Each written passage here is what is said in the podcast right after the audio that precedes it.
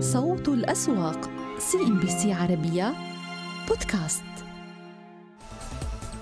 والبداية مع أغلاق مؤشر سوق دبي والذي تراجع اليوم بقرابة النقطتين المئويتين الضاغط كان القطاع المصرفي. مستويات السيولة في جلسة اليوم آه، سجلنا تقريبا 480 مليون درهم. بالنسبة لفوتسي أبو ظبي التراجعات كانت أقل ب 21 نقطة مئوية. وبسوق أبو ظبي عم نتحدث عن آه، سيولة بتقريبا مليار و800 مليون. طبعا هذه التقلبات التي نعيشها في أسواق المنطقة تأتي بعد التقلبات التي أيضا تعيشها الأسواق العالمية مع المخ مخاوف من ارتفاعات أكبر للتضخم وأن التضخم قد لا يكون قد وصل إلى الذروة وبالتالي بأن تجديد السياسة النقدية من البنوك المركزية الذي سيؤثر سلبا على التقييمات قد لا يكون كافي لمواجهة وكبح جماح هذا التضخم. وبالتالي معنويات المستثمر الأجنبي فيها الكثير من التقلبات وأسواق المنطقة وتحديدا الأسهم والقطاعات القيادية هي الأكثر آه، تأثرا. دعونا نبدأ مع سوق دبي ونراقب كيف كانت تحركات الأسهم الأكبر وزنا في السوق في جلسة اليوم.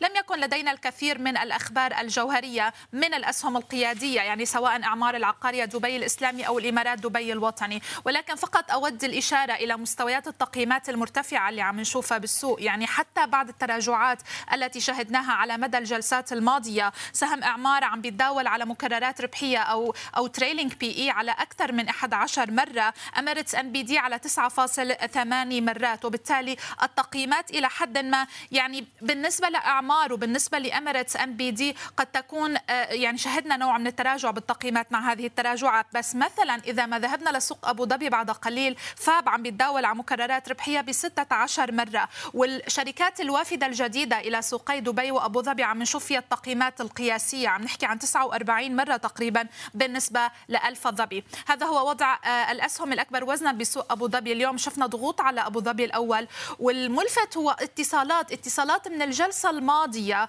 وحتى من الجلستين الماضيتين ونحن عم نشوف تراجعات غير مبررة يعني لم يكن لدينا أخبار جوهرية. تؤثر بهذه الطريقة على السهم. اليوم تستمر رحلة التراجعات على سهم اتصالات. لربما تكون مبررة بحقيقة أنه نحن شفنا رالي على سهم اتصالات خلال الفترة الماضية وبالتالي نوع من هذه التراجعات والتصحيح قد يكون مبرر. على كل بالنسبة للعالمية القابضة أيضا اليوم عم نشوف هذه المكاسب. أبرز الأسهم التي تابعناها وأبدأ مع سوق أبو ظبي وألف ظبي.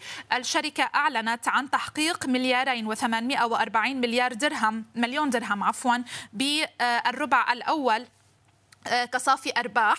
الإيرادات كانت قياسية ب 8.17 مليار درهم. شفنا ارتفاع بالإيرادات بالنسبة لألف ظبي بتقريبا 700% ونمو الموجودات ل 52.56 مليار درهم. طبعا الأبرز بالنسبة لألفا ظبي أنه العام الماضي آه، آه، أو خلال الفترة الماضية دعونا نقول استحوذت على 75% من شركة W Solar في مجال الطاقة النظيفة. لو فقط نلقي نظرة على ألفا ظبي كيف أغلق آه، السهم في جلسة اليوم مع الإعلان عن هذه النتائج على كل سوف نتابع التحركات بس بكل الأحوال يعني ألفا ظبي من الأسهم اللي شفنا عليها نوع من التراجعات مع التراجعات التي شهدناها في آه، السوق عموما. سهم ألفا ظبي عم بيتداول على مكرر ربحية 49 مرة. 49 مرة يعني رقم آه، كبير جدا. وهو من وقت التقييمات يعني من وقت ال valuation بال IPO العام الماضي. ونحن عم نتحدث إنه التقييمات جدا مرتفعة. على كل سوف أعود لمناقشة موضوع التقييمات بالنسبة للشركات الوافدة الجديدة بالنسبة لسوق دبي وأبو ظبي. آه، ولكن كما تحدثنا بالنسبة للشركة أعلنت كانت عن هذه النتائج آه، الإيرادات إذا قياسية نمت بتقريبا 700 في المئة. أيضا من الشركات التي تابعناها آه، كان لدينا الياهسات الياهسات نما نمت الإيرادات بالربع الأول بتقريبا 9.4% صافي الربح آه، ارتفع ب 26.4% الإيرادات تحديدا بالنسبة لليهسات سجلت 362.5 مليون درهم. وصافي الربح آه، ارتفع آه، ل 73.8 مليون درهم. يعني شفنا ارتفاعات ب 26.4% أيضا اليهسات من الأسهم التي راقبناها اليوم. وأيضا دانا غاز بكل الأحوال. دانا غاز كان عندها ارتفاع بالأرباح ب 125% سجلت 198 مليون درهم. و وتلقت يعني عندها كان كاش فلو مستلم ب 253 مليون درهم بالربع الأول. على كل هذا هو سهم دانا غاز. شفنا ارتفاعات على السهم بنهاية الجلسة بنقطة مئوية واحدة. تحدثت الشركة بأنه تطوير خورمور في كردستان العراق سيضيف للطاقة الإنتاجية الخاصة بدانا غاز تقريبا 25 في المئة. على كل يعني نحن من العام الماضي عم نشوف دانا غاز التدفقات النقدية اللي عم تستلم مكان في وتيرة متسارعة. اذا هذه أبرز الأسهم التي كنا قد تابعناها في جلسة اليوم بسوق أبو ظبي. آه، لو فقط نعود إلى الأكثر نشاطا والأسهم الأبرز التي تابعناها اذا هذه قائمة الأكبر وزنا. الأكثر نشاطا في جلسة اليوم مع العلم بانه مستويات السيولة كانت قد كانت قد سجلت مليار و800 مليون درهم. إذا أكبر الرابحين العالمية القابضة IHC الشركة أيضا أعلنت على فكرة على نتائجها الجلسة الماضية وكنا شفنا مكاسب على السهم. كان لدينا Response Plus إشراق الاستثمار ودانا غاز. لاحظوا معنا ضمن قائمة أكبر الرابحين بتقريبا نقطة مئوية واحدة. بسوق دبي كنا عم نراقب نتائج ديار للتطوير. الأرباح ارتفعت ل 25.1 مليون درهم. شفنا ارتفاع ب 66 في المئة.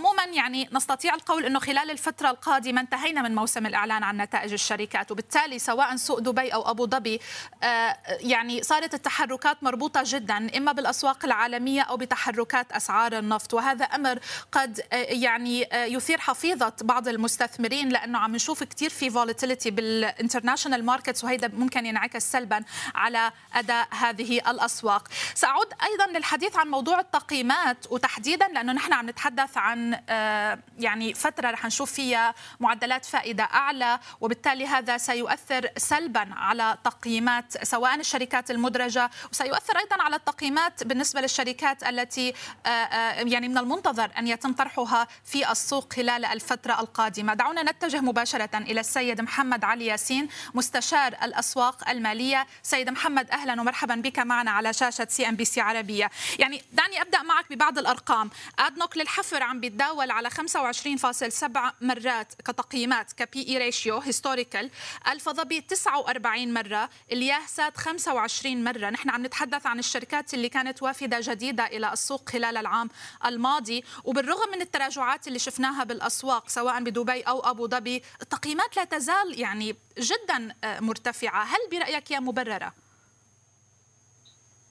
شكرا على الاستضافة آه يعني أنا برأيي إنه طبعا الأرقام اللي لا تكذب لما نتحدث عن مقررات ربحية، المقررات الربحيه طبعا عالية آه، مقارنة مع مستويات أسواق الإمارات تاريخيا أو حتى حتى هلأ صرنا مع الأسواق العالمية. يعني عملية التراجع التي رأيناها في أمريكا بشكل رئيسي آه، أدت إلى هبوط بعض الأسهم إلى مستويات صارت تحت ال 20 مرة 17 مرة المؤشر الداو جونز مثلا. هلأ في لسه في عندنا طبعا اللي هي أمريكا حجم الشركات كبيرة عددها كبير وهناك ال value وهناك ال growth في أشياء لسه غالية طبعا. ولكن إنه أكيد إنه إحنا عملية التصحيح التي رأيناها في الخارج وكون إنه أسواقنا حافظت على مكاسب معظم المكاسب حتى ممكن نقول بداية الأسبوع الحالي كان عم بخلق إنه في فرق ما بين التقييم وأكيد كان في ربما كثير من المستثمرين خاصه المؤسسات المؤسساتيين منهم الأجانب أصبحوا ينظروا ربما إنه في هناك أسعار جاذبة أكثر لبعض الأسهم موجودة في الأسواق الأخرى. أسواق الخليج بشكل عام وليست فقط أبو ظبي بدي أقول يعني السعودية نفس الشيء لو تطلع على الكويت لو تطلع على قطر صارت عندنا مستويات المقررات الربحيه أعلى من المعدلات وهذا الفرق ربما مع التصحيح اللي صار برا وثبوت الأسعار عندنا أدى إلى إنه صار في عندك الجاذبية ربما لهديك بعض هيك الاسهم الواضح إنه زي ما قلت كمان في بداية حديثك عن موضوع إنه التراجع على الأسهم القيادية زي اتصالات زي آه، فاب بنك أبو ظبي الأول واضح عندنا إنه كان في عندنا عملية آه، بيع ربما لتحقيق إما لعملية إنه الدخول آه، الذي تم بقوة بسيوله على هذه الأسهم في شهر مارس الماضي ورفعها إلى مستويات أعلى من ما تبرر أرباحها خلينا نقول. يعني ما توصل اتصالات لمستوى 38 مثلا أو 39 درهم. ما كان في شيء يبرر ذلك. يوم رأينا النتائج ما كانت يعني تعطينا إشارات على إنه هذا الرقم في نمو يبرر ذلك. ذلك وجدنا ما هو التراجع إلى مستويات اللي هي أقرب م. إلى ما هي أقرب إلى مستويات الحقيقة. والسؤال هون هو اللي يعتقد الكل بده يجي وراه إنه هل إحنا سنستمر في هذه التراجعات إذا ظلت هناك ولا لا؟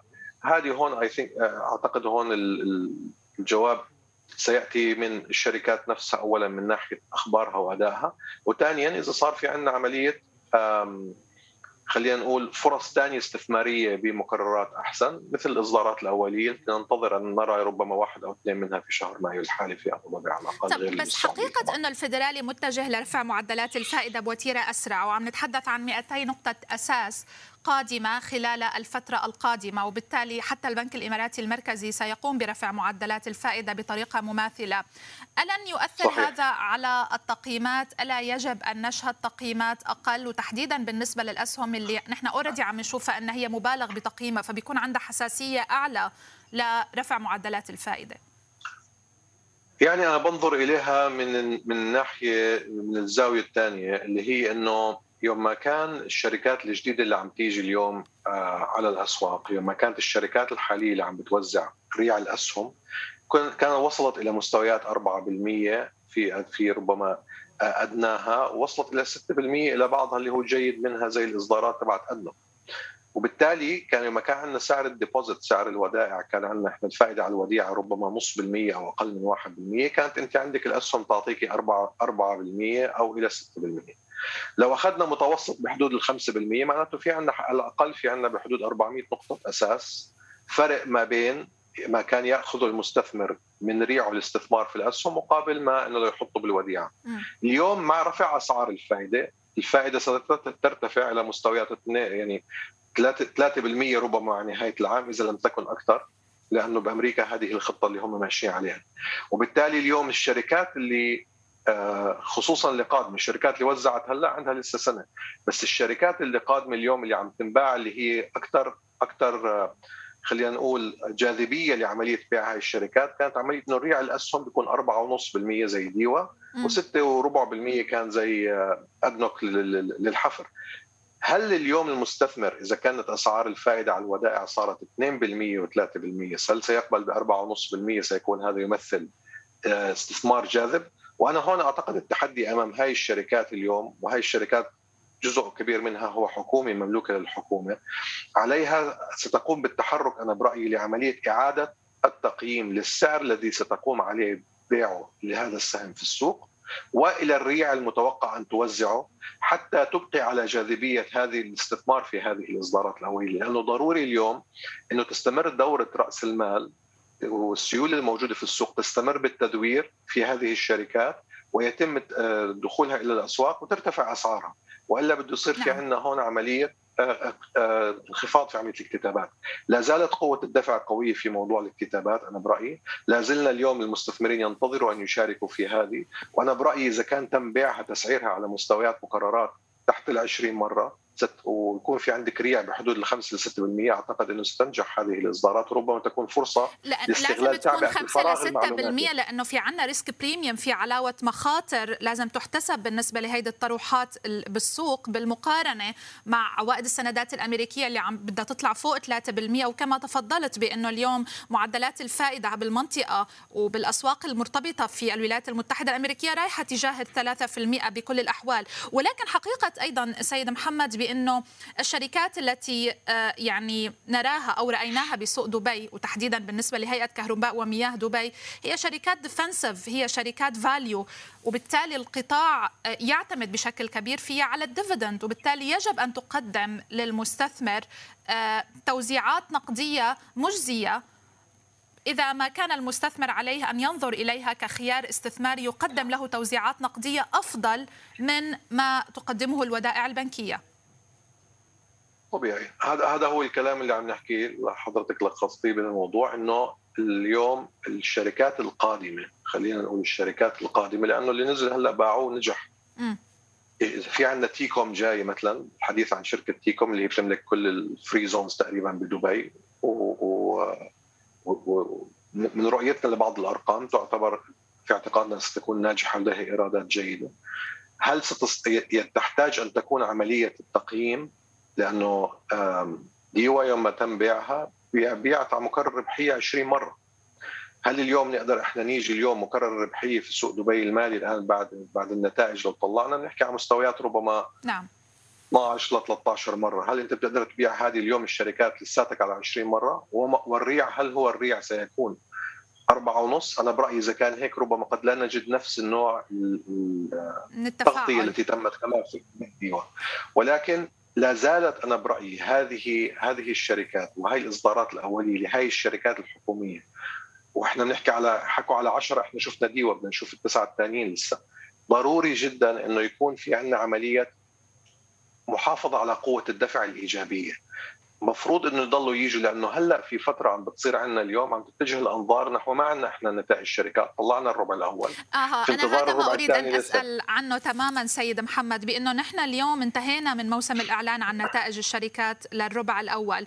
واللي تابعناه إنه من بداية الحرب الروسية الأوكرانية كان لدينا inflows فاتت على أسواق المنطقة وعلى ال emerging markets آه لأنه صحيح. شفنا الأسواق العالمية شو صار فيها. يعني كان لدينا نوع من التوجه نحو اعتبروا البورصات والمؤشرات الخليجية كملاذ ملاذ آمن بحكم ارتفاعات أسعار صحيح. النفط هل هيدا ال narrative هي هل هيدي الاستراتيجية والطريقة بالتفكير بالأسواق الخليجية برأيك ستظل سارية المفعول خلال الفترة القادمة أنا برأيي هاي هاي هاي الزاوية من الاستثمار بالأسواق الخليجية لم تتغير، أنا لا زلت أعتقد أن الأسواق الخليجية من ناحية ال macro الاقتصادي من ناحية العوامل الاقتصادية الإجمالية لا زالت إيجابية وفي مصلحتها.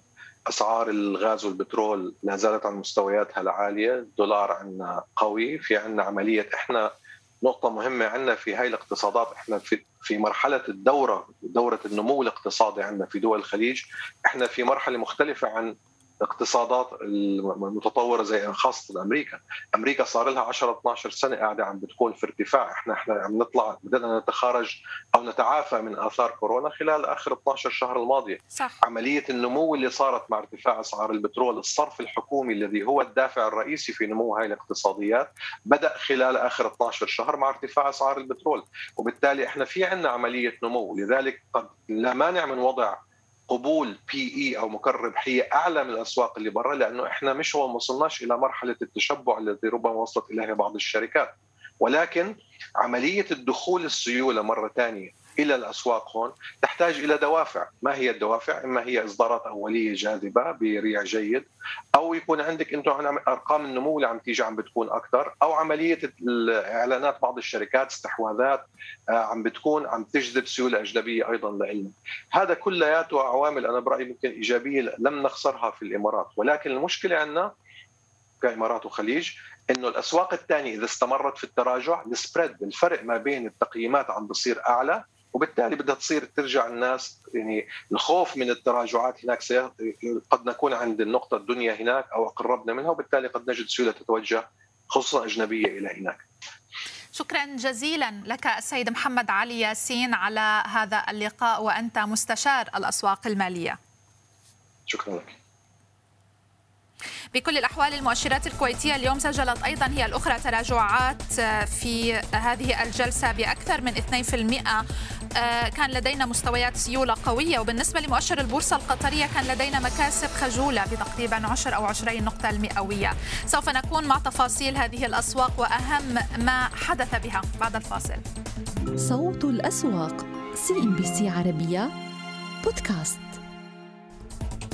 إذا يحاول مؤشر البورصة القطرية التماسك عند هذه المستويات يعني عندنا اتجاه تصحيحي بالنسبة لمؤشر البورصة القطرية من بعد ما خسرنا مستويات 13500 نقطة.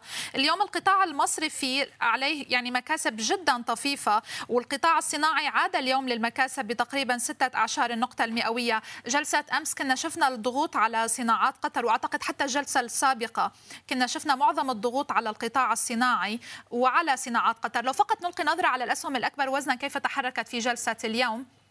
إذا بالنسبة لكيو إم بي عندنا كان مكاسب بتقريبا 20 نقطة المئوية. قطر الإسلامي وصناعات. قطر أيضا على آه، مكاسب. طبعا الأبرز سيكون المراجعة نصف السنوية لل MSCI ارتفع مؤشر أسعار العقارات في قطر خلال الربع الأول من العام بنسبة 2.64% على أساس سنوي بدعم من زيادة الطلب على الوحدات السكنية مع اقتراب موعد بطولة كأس العالم لكرة القدم أواخر العام الجاري. وشهدت الأشهر الثلاثة الأولى من العام الجاري ارتفاعا في أسعار العقارات السكنية وزيادة في القيم الإيجارية في عدد من المناطق داخل العاصمة الدوحة بنسبة وصلت إلى 10% بينما بلغ إجمالي التمويلات العقارية في قطر بنهاية شهر مارس الماضي نحو 161 مليار ريال ما يمثل 15% من إجمالي الائتمان المحلي البالغ نحو 1.1 تريليون ريال. وأصدر مصرف قطر المركزي أذونات خزينة محلية لصالح البنوك العاملة في قطر بقيمة 600 مليون ريال. توزع إصدار شهر مايو أيار الجاري على ثلاثة آجال الأول بقيمة 300 مليون ريال لأجل ثلاثة أشهر والثاني بقيمة 200 مليون ريال لأجل ستة أشهر والأخير بقيمة 100 مليون ريال لأجل تسعة أشهر بمتوسط عائد قدره 1.43% قياسا بمتوسط عائد عن إصدار شهر أبريل نيسان الماضي عند 0.92 90% وبلغ إجمالي إصدارات مصرف قطر المركزي من أذونات الخزينة المحلية منذ بداية العام الجاري أكثر من ثلاثة مليارات ريال. ضغوط على المؤشرات الكويتية الثلاث في جلسة هذا اليوم. الضغوط الأبرز كانت بنقطتين أو أكثر من نقطتين مئويتين على المؤشر الأول لأن شفنا ضغوط على القطاع المصرفي بواحد وثمانية نقطة المئوية. مع العلم بأن الافتتاحية كانت أعتقد إيجابية خضراء كانت بالنسبة للمؤشرات الكويتية بالنسبة لجلسة اليوم. الأبرز بالنسبة لتحركات البورصة الكويتية طبعا هي تحركات أسعار النفط. نحن بالنسبة لبرنت عم نتداول بالقرب من 106 دولارات بينما سعر برميل النفط الكويتي دائما بيكون في margin اختلاف عن آه، سعر برميل برنت. ولكن بكل الأحوال ما كان قد دعم أسعار النفط في آه، جلسة اليوم. هو الحديث بأن الاتحاد الأوروبي قد يمضي قدما في آه، منع أو عمل embargo على استيراد النفط الروسي. وبالتالي هذا الأمر عاد ليدعم الأسعار آه، مجددا. بكل الأحوال طبعا نحن ننتظر أي جديد بخصوص هذا الملف وخصوصا بأن الاتحاد الأوروبي بحاجة إلى موافقة جماعية بينما كل من ألمانيا وإيطاليا تعارضان هذه الخطة لأنها ستتسبب أو قد تتسبب بركود اقتصادي بالنسبة لألمانيا كما سمعنا من الحكومة الألمانية. بهذا مشاهدينا نكون قد وصلنا إلى نهاية مسار السوق. نشكر لكم حسن المتابعة وإلى اللقاء. صوت الأسواق CNBC عربية بودكاست. أهلا بكم مشاهدينا. نستهل الكلام بالحديث عن نتائج الشركات السعودية حيث حققت شركة أسواق عبد الله العثيم المدرجة بالسوق السعودي ارباحا صافية بلغت 91 مليون و300 ألف ريال خلال الربع الأول من العام 2022 بزيادة نسبتها 58% بالمقارنة مع أرباح بحجم 57 مليون و700 ألف ريال خلال الفترة نفسها من العام 2021 الشركة اوضح أوضحت أن سبب الارتفاع في صافي الربح يعود إلى نمو المبيعات بنسبة 17.4% وتحسن أداء الشركات التابعة لأسواق عبد الله لاثم. تعليقا على هذه النتائج ينضم إلينا من الرياض سيد بدر بن حامد العوجان نائب رئيس مجلس إدارة شركة أسواق عبد الله العثيم أهلا فيك سيد بدر وشكرا على وجودك معنا في البداية وكل عام وأنت بألف خير. أهلا وسهلا حياك الله أختي ميسه وكل عام وانت وجميع المشاهدين في خير واحسن حال إن شاء الله. شكرا جزيلا على استضافتكم. أهلا وسهلا فيك. سيد بدر خلينا نبدأ بهذه النتائج. يعني إحنا شايفين ارتفاع بالأرباح آه، للربع الأول بقرابة 34% إذا ما قارناها يمكن بالربع المماثل من العام السابق لكن على مستوى الربع آه، السابق كان في تراجع بأرباح هذا الربع ال40 في المئة. اولا كيف يمكن أن نقرأ هذه النتائج وما هي الأسباب التي أدت إلى الارتفاع؟ أه والله يا أختي بسم الله الرحمن الرحيم اولا. أه اولا هذا الاختلاف أرباح الربع الحالي اللي هو الربع الأول مقارنة بالربع السابق وهو الربع الرابع. هي يتعلق بنشاط التجزئة. نشاط التجزئة عادة الأرباح أه تكون في الجزء في الربع الأخير من السنة أعلى من الأرباح في باقي الارباع فكان هذا بسبب طبيعة النشاط وهي طبيعة نشاط التجزئة بأن تكون الأرباح أكثر في الربع الأخير من السنة. وهذا ملاحظ في جميع نشاط التجزئة يا أختي. نعم. إذا ما تحدثنا عن أكثر الفروع اللي استطاعت أن تحقق هوامش ربحية سيد بدر اليوم يعني من هي الفروع الأكثر أداء لفترة الربع الأول؟ والله بفضل من الله الحمد لله. إحنا عندنا فروع في أكثر من 74 مدينة ومحافظة في المملكة العربية السعودية وهذا بفضل من الله سبحانه وتعالى. وجميع الفروع اللي موجودة عندنا كانت أداها جدا مرتفع بفضل من الله سبحانه وتعالى ثم بفضل جميع العاملين اللي في الشركة. الله يعطيهم الصحة والعافية. نعم. طيب بالمقابل قد إيه كان في ارتفاع لتكلفة المصاريف آه، بفترة الربع الأول؟ يعني مع أيضا التوسعات اللي بدأتها الشركة بزيادة فروعها سيد بدر. الارتفاع التكاليف كانت يعني المتوقعة بسبب يعني التكاليف التشغيلية الموجودة وكذلك بسبب التكاليف التضخم وارتفاع الأسعار اللي موجودة بالنسبة للمواد المستوردة. آه، وهي كانت تقريبا آه، ارتفاع التكلفة تقريبا كانت 20% هذا تكاليف عملية الافتتاح بالنسبة للفروع صحيح؟ لا لا إحنا الفروع أيضا يعني الحمد لله وصلنا إلى تقريبا 280 فرع وفي الربع الأول آه، بفضل من الله استطعنا إن إحنا نفتتح تسعة فروع لكن هذا نتكلم بشكل إجمالي. نعم طيب آه، في هاي الفترة كان أيضا لديكم انخفاض بإيرادات النشاط التأجيري التسويقي. ما هي الأسباب سيد بدر؟ وهل هذا بنتوقع أنه يستمر بالانخفاض أيضا لفترة الربع الثاني من هذا العام؟ نعم. هذا الربع الأول زي ما أنتم عارفين كان هو موسم رمضان. وكان التركيز في خلال هذا الموسم هو أكثر بالأنشطة اللي داخل الفروع. ولذلك صار المقارنة بالفترة السابقة من العام السابق كانت أقل. لكن بإذن الله تعالى توقعاتنا إن ان شاء الله ترجع آه، هذا النشاط التاجيري التسويقي بإذن الله. نعم. إحنا شفنا من بداية العام سيد بدر يعني ارتفاع بمستويات التضخم.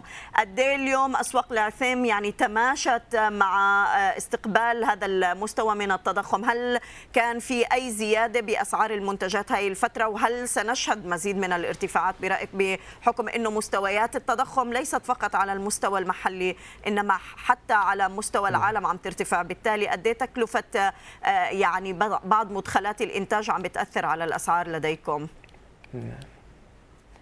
تقريبا التاثير التضخم على تكلفة المواد اللي موجودة كأسعار كتضخم تقريبا 3% وحنا في أسواق العثيم نبذل قصارى جهدنا بأن إحنا نخفف تأثير التضخم على المتسوقين عندنا بجميع السبل سواء إن إحنا نبدل وف... يعني نوفر بدائل أخرى للموجودة بتكاليف أقل أو من خلال أيضا محاولتنا دائما بأن إحنا نقلل تكاليفنا نحن لكي لا يتأثر المتسوق عندنا. نعم، هل هذا يعني إنه عم تبحثوا عن أسواق كبديل لمدخلات الإنتاج تكون أقل تكلفة سيد بدر؟ دائما دائما إحنا يعني هذه من الأمور اللي إحنا دائما عندنا شغف بأن إحنا نخدم العملاء حقينا عندنا شغف بأن إحنا ننفعهم وعندنا الرؤية حقتنا بأن إحنا تكون جودة الحياة أجود وأفضل بتكاليف أقل. فإحنا دائما هذه من الأمور اللي نحرص عليها دائما وجميع الشباب اللي عندنا والعاملين والعاملات يعتبر هذا من أهم المواضيع اللي موجودة ونعمل عليها على مدار الساعة. نعم. أعود لموضوع التخارج. يعني الشركة بدأت تتخارج من عبد الله العثيم للاستثمار. عم تتجهوا لبيع 13 مليون و650 ألف سهم. آه، لماذا هذا التخارج بهذا التوقيت آه، سيد بدر من الشركة رغم إنه هي مقبلة على عملية نعم. إدراج واكتتاب يعني بالنسبة للسوق؟ نعم. والله يا أختي إحنا يعني استراتيجيتنا واضحة جدا أن نحن شركة تجزئة في المواد التموينية وزائد استثمارات في النشاطات المكملة للنشاط الرئيسي حقنا. فإحنا مثل ما تعرفون إن إحنا بفضل من رب العالمين دخلنا في استثمار في آه، عند تخصيص شركات مطاحن الدقيق وهذا الاستثمار بحمد من الله سبحانه وتعالى كان استثمار ناجح لذلك التخارج اليوم بما نرى أنه ليس جزء من هذه الاستراتيجية وإحنا نظن أنه الوضوح والفوكس على الاستراتيجية هي أمر مهم جدا ولذا اتخذ المجلس القرار بأنه يتخارج من شركة العثيم للاستثمار اللي هي لا تتكامل مع نشاطنا اليوم. نعم. على أي سعر تم البيع سيد بدر؟ وكيف راح يتم استخدام يعني حصيلة هذا التخارج اليوم بالنسبة للشركة؟ والله يا أختي هو إلى الآن يعني آه، تم الإعلان أمس إنه سوف يتم آه، يعني آه، اللي هي ال order building process فلا زالت يعني الموضوع إلى الآن سوف يتم التواصل مع المستثمرين وبناء الأوامر. فإلى الآن ما موجود شيء فبس إن شاء الله تعالى نتوقع أنها تكون إن شاء الله في يعني الأرباع القادمة بإذن الله تعالى. نعم، بالنسبة لسياسة التوزيعات قد إيه حنشوف إنه في اختلاف فيها بالنسبة للنتائج اللي صدرت آه، سيد بدر؟ والله إحنا نحرص حرص كثير بأن إحنا يعني آه، يعني إحنا نساعد ونعين ونرد المستثمرين حقنا الله يعطيهم الصحة والعافية. فسياستنا في قضية توزيع الأرباح لن تتغير وهي حسب يعني النشاطات السابقة بإذن الله تعالى. نشكرك سيد بدر بن حامد العوجان نائب رئيس مجلس إدارة شركة أسواق عبد الله العثيم. شكرا جزيلا لك. نتجه مباشرة إلى الدكتور سعود المطير الكاتب والمستشار الاقتصادي ينضم إلينا من الرياض. دكتور سعود أهلا بك معنا. يعني واضح أنه اليوم ما زالت الضغوطات مستمرة على السوق. هل هي بسبب المخاوف والحذر اللي ممكن يصدر من الولايات المتحدة فيما يخص بيانات التضخم أم بالفعل ما زلنا في مرحلة عملية تصحيح بعد وصول السوق لأعلى مستوياته من 2006 بسم الله والحمد لله والصلاة والسلام على رسول الله. مساء الخير لكم وللمشاهدين والمشاهدات وكل عام وأنتم بخير. وأنت بخير. آه بكل تأكيد السوق حقق ارتفاعات قوية جدا ويعني قارب ال 14000 المؤشر وصل قمة 13949 تقريبا.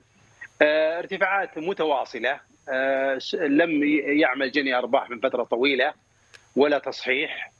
فطبيعي رغم أن الأسواق العالمية يعني كما نعلم آه، يعني صحت كثيرا وحصل فيها انخفاضات كبيرة وخصوصا الأسواق الأمريكية.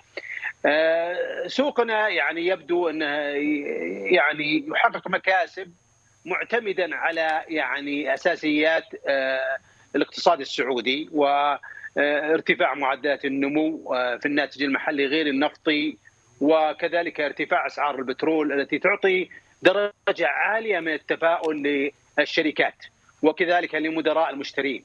آه، أتصور عمليه الانخفاضات اللي جالسة تصير آه، السوق كان يتحرك في الفترة الماضية بشركات محدودة جدا بينما شركات كثيرة آه، تصحح ويعني تحقق خسائر كبيرة إلى درجة انها أصبح هناك شركات كثيرة تعتبر يعني فرص استثمارية واعدة.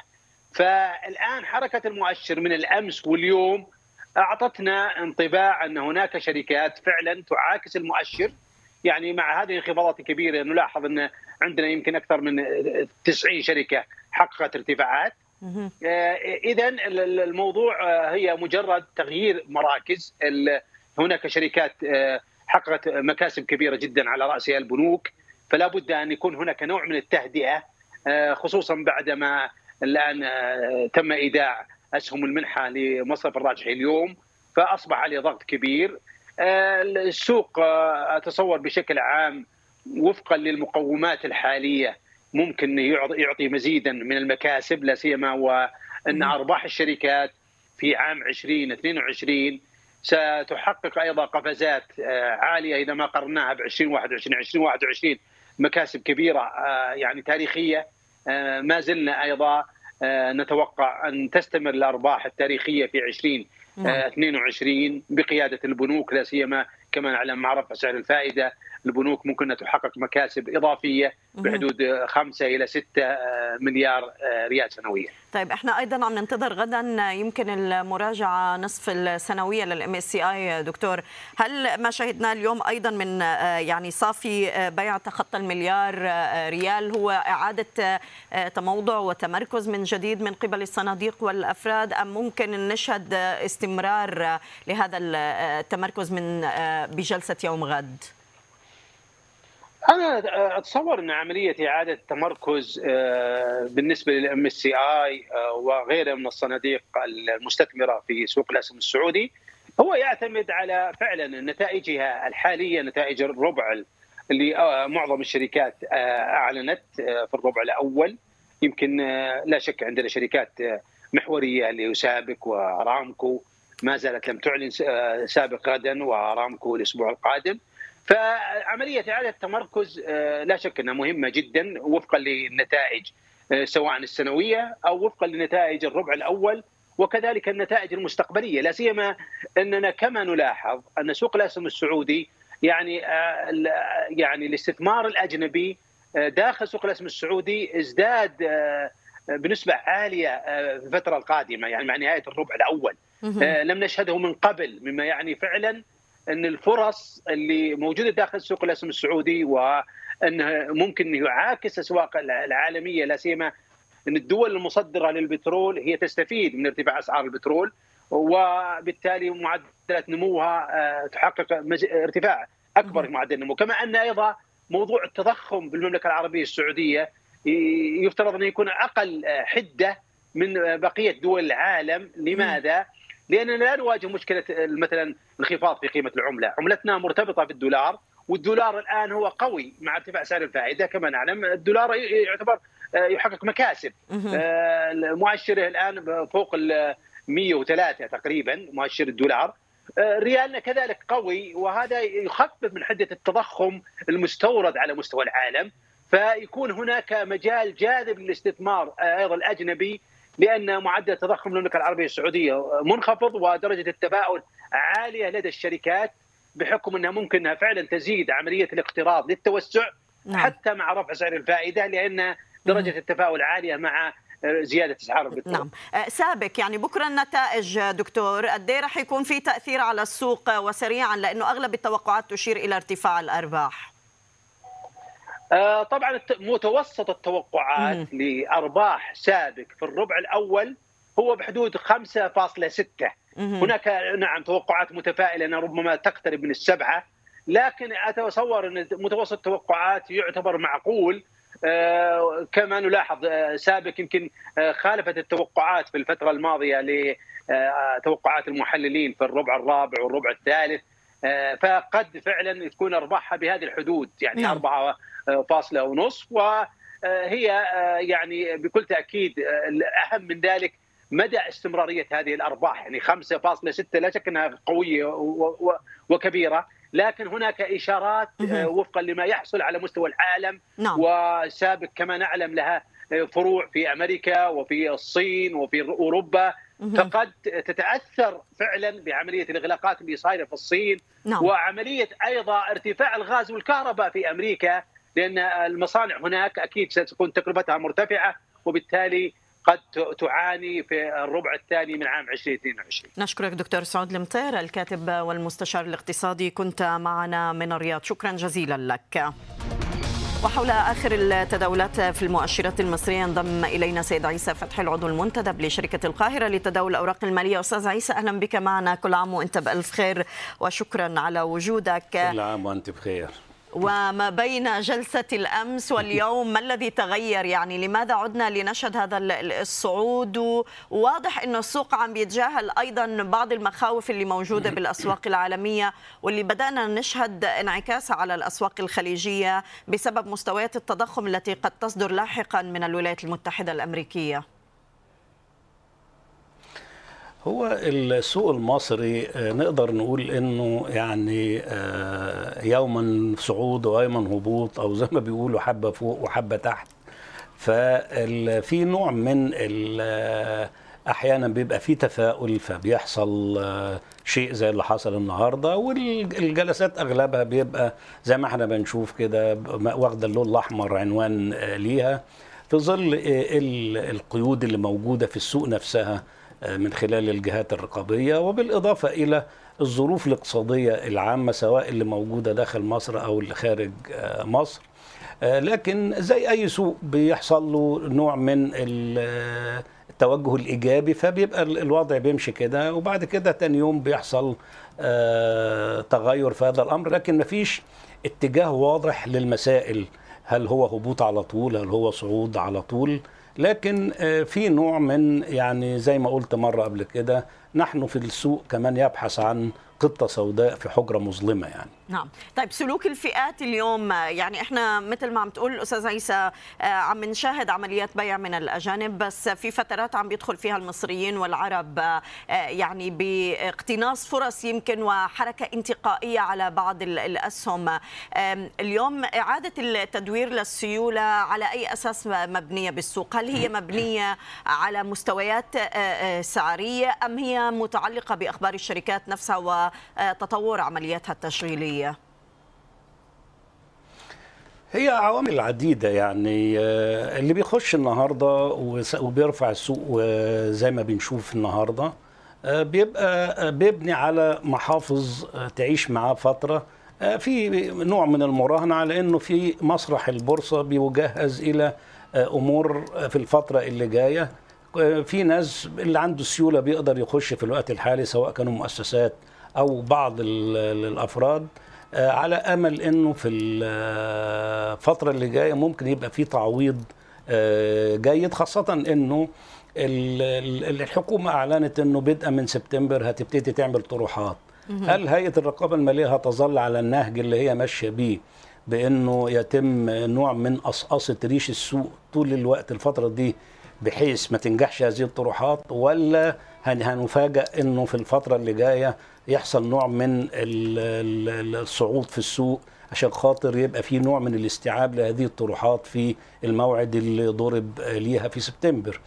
آه، ففي ال- ال- الناس بتشتغل بشغل المراهنات على هذا الأمر الفترة الحالية على أمل إنه دوام الحال من المحال وإن البورصات بتبقى ساعات بتستفيق فجأة ومحدش عارف الاستفاقة بتبقى إمتى. ممكن تكون غدا ممكن تكون الشهر القادم ممكن تكون العام القادم. لكن اللي عنده سيولة يقدر يختزنها في الفترة الحالية خاصة إن الأسهم تقريبا هي الشيء الوحيد اللي بيرخص في مصر يعني. نعم بس الأسواق الخليجية بكرة رح تكون مع موعد المراجعة الدورية يعني لل MSCI. أستاذ عيسى هل في تخوف لعودة انسحاب سيولة من السوق المصري لمصلحة هذه الأسواق؟ إحنا خلاص تعودنا على هذا الانسحاب يعني ما بقاش محتاج مراجعة من MSCI أو غيره. هي ال- الانسحاب مستمر بصرف النظر عن مواعيد ال- المراجعة. و آه، وفي نفس الوقت ما إحنا سامحين للمحلين إن هم برضه يشتغلوا براحتهم في السوق يعني. نعم. طيب اليوم شايفين التوجيهات الرئاسية يعني باستثناء المواد الخام ومستلزمات الإنتاج من قرار وقف العمل بمستندات التحصيل آه، حنشوف استفادة حقيقية يمكن لقطاع الإنتاج والصناعة من هذا القرار من جديد أستاذ عيسى. وهل يعني التراجع عن هذا القرار هو في محاولة لتخفيف يمكن التكاليف اللي تكبدتها الشركات المنتجة والمصانع بالفترة الماضية بسبب ارتفاع الأسعار عالميا؟ نقدر نقول إنه هذا ال- القرار أعتقد إنه كان أحد أسباب قوة الدفع اللي خدها السوق النهارده. أها. إنه إدى نوع من الاطمئنان للشركات أو إن الشركات هتشتغل بنفس طريقتها ال- القديمة. لكن في نفس الوقت ده بيبين حاجة إنه اللي بيتخذوا قرارات وسياسات ما بيدرسوش تبعات القرارات اللي بتتاخد. ولو تذكري يوم ما اتكلمنا يوم ما محافظ البنك المركزي قال لا رجعة عن هذه القرارات في يوم ما قال افتتاح اعتمادات مساندية لكل شيء. آه، بان النهارده إن هو لم يراجع أحد ولم يستشر أحد ولم آه، يجلس مع أصحاب ال- ال- ال- المسألة. وبالتالي آه، لما وصلت المسألة إلى ال- المقام الرئاسي كانت كان هذا هو ال- القرار.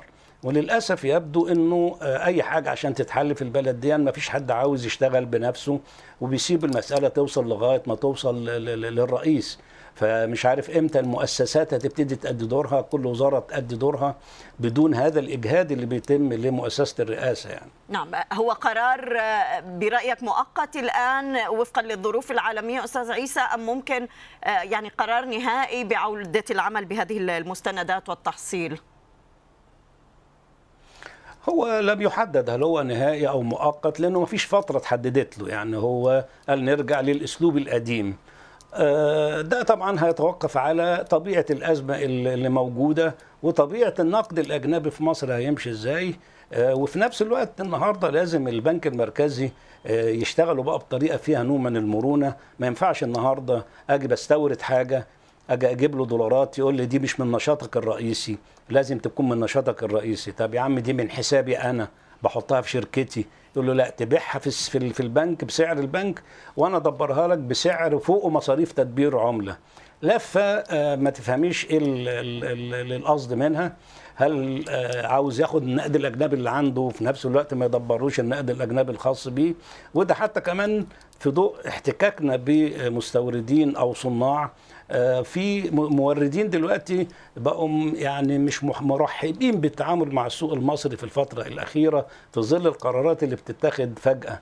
من ضمنها مثلا السيارات المكدسة في المواني بسبب قرارات جديدة في معايير الاستيراد العربيات واعلنتها وزيرة التجارة والصناعة. فأصبحت العربيات موجودة من شهر فبراير لغاية دلوقتي بتدفع عليها أرضيات قد كده وجهاز حماية المستهلك بيلزم الوكلاء بأن يبيعوا بالأسعار القديمة وهو نعم. قاعد بيتحمل أرضيات يوميا يعني. نشكرك أستاذ عيسى فتحي العضو المنتدب لشركة القاهرة لتداول الأوراق المالية. كنت معنا من القاهرة. لماذا يتجه المصريون لشراء الذهب في الوقت الحالي؟ ولماذا ترتفع أسعار الذهب في مصر على الرغم من هبوطها على المستوى العالمي؟ سنتعرف على الأسباب بعد الفاصل مع سيد هاني ميلاد رئيس الشعب العامه للذهب والمجوهرات بالاتحاد العام للغرف التجارية. بعد الفاصل ابقوا معنا. صوت الأسواق CNBC عربية بودكاست. وينضم إلينا من القاهرة سيد هاني ميلاد رئيس الشعبه العامه للذهب والمجوهرات بالاتحاد العام للغرف التجارية. أستاذ هاني أهلا بك معنا. آه، كيف نفسر هذا الإقبال اللي حدث يعني على الذهب والمشغولات الذهبية في السوق المصري آه، خلال هذه الفترة؟ على الرغم من ارتفاع الأسعار عالميا هل ساهم تراجع آه، يعني سعر الصرف بهذا الإقبال من قبل المواطنين؟ برأيك بهذا الارتفاع الحاد اللي حصل على على السوق الذهب؟ آه، الحقيقة تباينت آه، واختلفت في المدة القصيرة الماضية آه، اهتمامات الناس بالادخار وفكرها في التحوط اللي ممكن ينتج نتيجة للظروف الاقتصادية الصعبة في الوقت ده والحقيقة بقى في وعي آه، عالي جدا عند المستهلكين في إنه آه، فهمهم لإنه وجود الذهب كملاذ آمن ده مهم في الأوقات دي. والحقيقة إحنا شاهدنا اختلافات ما بين الشهر اللي فات ما بين تعويم الجنيه من 15 70 ل 18 ونص وارتفاع أسعار الذهب. ووجود الفائدة على الجنيه المصري أيضا 18% حصلت موجة بيعية من المستهلكين للذهب وكان ساعتها الذهب يتراوح في مصر حوالي 900 جنيه تقريبا إلا أنه تغيرت وجهة النظر في الآونة الأخيرة بقى وفي الأسابيع الأخيرة شاهدنا أثناء العيد أنه بقت في نوع من أنواع التحوط عند الناس وإحساسهم بإنه القيمة النقدية ممكن تضعف وفي نفس الوقت إن هو بيدخر وفي نفس الوقت آه، إنه حتى على المستوى المحلي بالنسبة لنا كان في توقف للاستيراد للذهب الخام وبالتالي أصبح الطلب الكثيف موجود على السوق المحلي والمدخرات اللي موجودة داخل مصر بصفة طيب. عامة. طيب ومن هنا وضح عملية الطلب العالية قوي اللي أدت لارتفاع الأسعار. طيب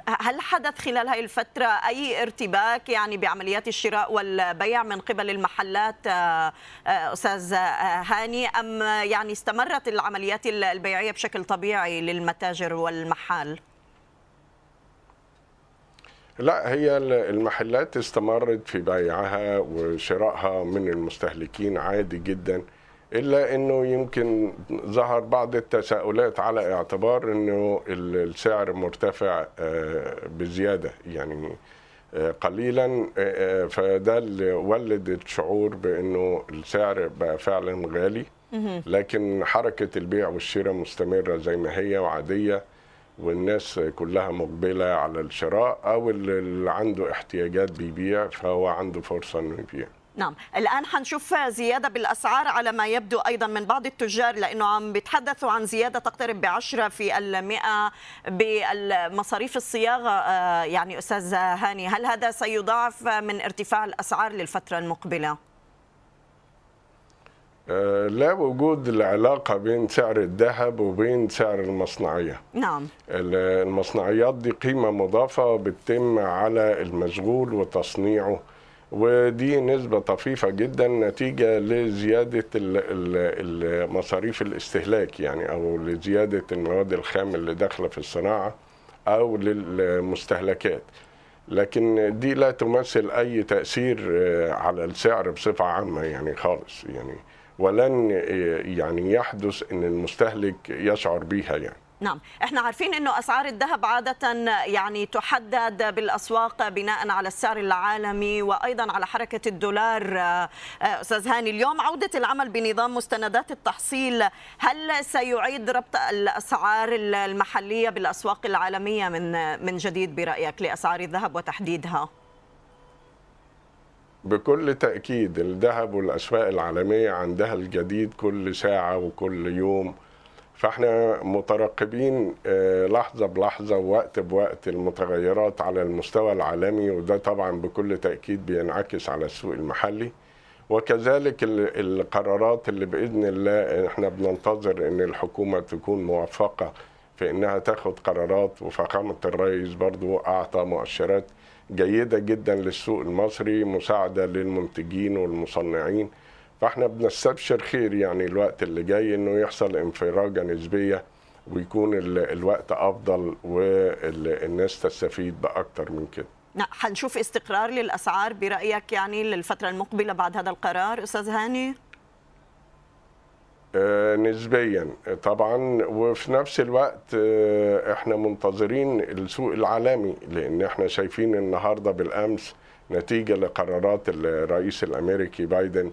آه، في في تراجعات في المؤشرات عموما البورصة العالمية وبرضو بعض الأسهم وخلافه. فإحنا بالتأكيد برضه هينعكس علينا. هنشوف الوقت اللي جاي برضه ردود أفعال الحرب وموقفها واقتصاديات العالم زي ما حضرتك عارفة طبعا والسادة المستمعين كلهم فاهمين النهارده المتغيرات بقت شكلها قوي وفي وقت قصير وده اللي بيحدث العديد من الاختلافات والاضطرابات نسبيا. طيب إحنا شايفين يمكن مصر الآن عم تتفوق على أغلب الدول العربية آه، يمكن بعملية التحوط بالذهب هاي الفترة آه، آه، أستاذ هاني. أول تأكيد حكومي عم نسمعه هذا الأسبوع يمكن بشراء المركزي ل 44 طن من الذهب. هل المستويات السعرية راح تحفز الحكومة على مزيد من الاحتياطات برأيك؟ لا أعتقد مدخرات الحكومة والبنك مم. المركزي دي مختلفة المصادر ومتعددة ال ال المنافذ للشراء و... و... وملهاش علاقة ب... ب... يعني دي, دي تحوطات الدول وأعتقد أنه ده برضو من الحكمة فيها إلا أنه الشارع والسوق مش مرتبط ارتباط مباشر بال... بالتحوطات دي نعم نشكرك سيد هاني ميلاد رئيس الشعب العامة للذهب والمجوهرات بالاتحاد العام للغرف التجارية. كنت معنا من القاهرة. إذا كانت هذه جولتنا على السوق المصري. طبعا تراجعات شهدناها على مؤشر السوق السعودي في نهاية جلسة اليوم واستمرت المكاسب حتى نهاية التداولات على المؤشرات المصرية.